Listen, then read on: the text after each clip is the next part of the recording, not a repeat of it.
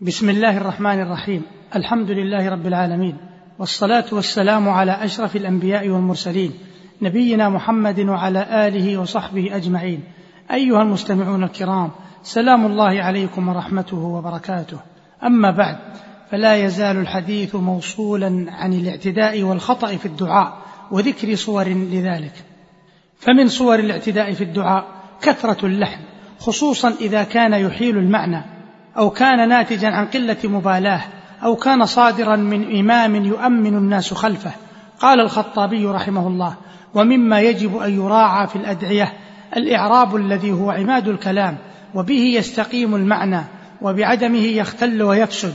وربما انقلب المعنى باللحن حتى يصير كالكفر إن اعتقده صاحبه كدعاء من دعا أو قراءة من قرأ. إياك نعبد وإياك نستعين بتخفيف الياء من إياك. فإن الآية ضياء الشمس فيصير كأنه يقول شمسك نعبد وهذا كفر. وقال وأخبرني أحمد بن أحمد بن إبراهيم بن إسماعيل قال حدثنا ابن المرزبان عن الرياسي قال مر الأصمعي برجل يقول في دعائه يا ذو الجلال والإكرام فقال ما اسمك؟ قال ليث فأنشأ يقول ينادي ربه باللحن ليث لذاك إذا دعاه لا يجيب انتهى كلام الخطابي رحمه الله.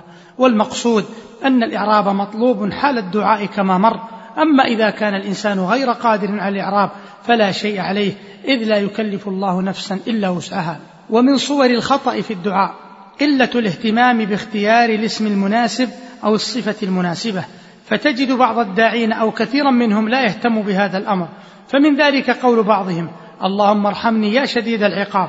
أو اللهم عليك بالكفار يا أرحم الراحمين أو نحو ذلك. فهذا وإن كان صحيحا فالأولى أن يأتي باسم يناسب. فإذا قال اللهم ارحمني يقول يا رحيم اللهم عليك بالكفار يا شديد العقاب. ومن ذلك قلة الاهتمام باختيار الاسم المناسب أو الصفة المناسبة. فتجد بعض الداعين أو كثيرا منهم لا يهتم بهذا الأمر. فمن ذلك قول بعضهم اللهم ارحمني يا شديد العقاب. واللائق في ذلك أن يقول اللهم ارحمني يا أرحم الراحمين. ومن الخطأ والاعتداء في الدعاء اليأس أو قلة اليقين من إجابة الدعاء.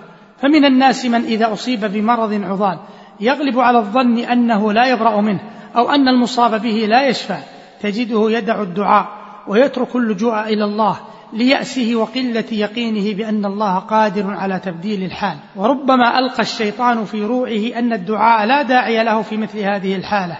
ولا فائدة وراءه حيال هذا الأمر كحال من يصاب بمرض السرطان عياذا بالله. فتجد تلك الحالة تغلب عليه بل ربما غلبت على أقاربه وذويه فتراهم يتركون الدعاء لهذا المريض بحجة أن هذه الحالة خطرة وأنها تنتهي بالوفاة في الأعم الأغلب.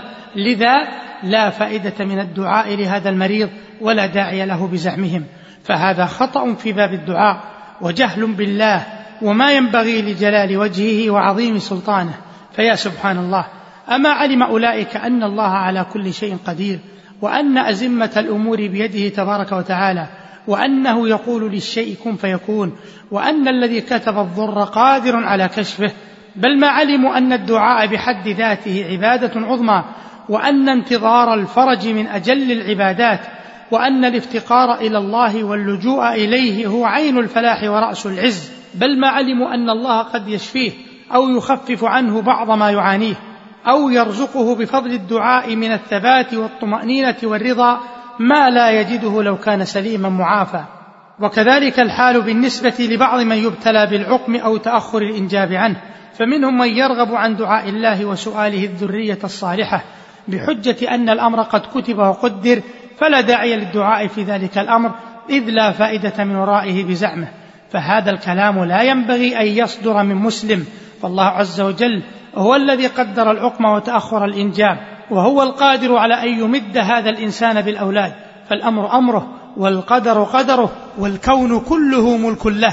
فكيف تيأس أيها المسلم من روح الله أو تقنط من رحمته؟ فهذا زكريا عليه السلام عندما قال رب هب لي من لدنك ذرية طيبة إنك سميع الدعاء. أجاب الله دعاءه. فنادته الملائكة وهو قائم يصلي في المحراب أن الله يبشرك بيحيى مصدقا بكلمة من الله وسيدا وحصورا ونبيا من الصالحين. كل ذلك مع أن زكريا قد بلغ من الكبر عتيا وأن امرأته كانت عاقرة. وقل مثل ذلك في شأن بعض الوالدين الذين يدعون الدعاء لأولادهم يأسا من صلاحهم وذلك إذا رأوا منهم تمردا وتماديا في الغواية والضلال. فتجد هذا الوالد يقول أنا يئست من صلاح ولدي وتركت الدعاء له. سبحان الله أتيأس من روح الله؟ أم تحجر رحمة الله؟ أما علمت أن دعاء الوالد مستجاب وأن الدعوة الصالحة قد تدركه ولو بعد حين؟ إما أن يكون ذلك في حياتك فترى صلاحه واستقامته أو بعد مماتك وفراقك الدنيا فتسعد ببركة دعائه. ثم ماذا يضيرك من الدعاء؟ ثم إن الولد ولدك. مهما كان والعرب تقول أنفك منك وإن ذن وعيصك منك وإن كان أشبا. ومعنى ذن سأل مخاطه وعيصك العيص الشجر الكثيف الملتف والأشب شدة التفاف الشجر. وكذلك الحال بالنسبة لبعض المسلمين فما أن يشاهد ما عليه المسلمون من التمزق والتخلف والتفرق إلا ويدب اليأس إلى قلبه. فإذا قيل له ادع للمسلمين بأن يصلح الله أحوالهم هز كتفيه وأومأ برأسه موحيا بأن لا أمل في الإصلاح فلا داعي إذا للدعاء. كل ذلك خطأ ومناف للثقة بالله عز وجل والتصديق بوعده الصادق الذي لا يتخلف.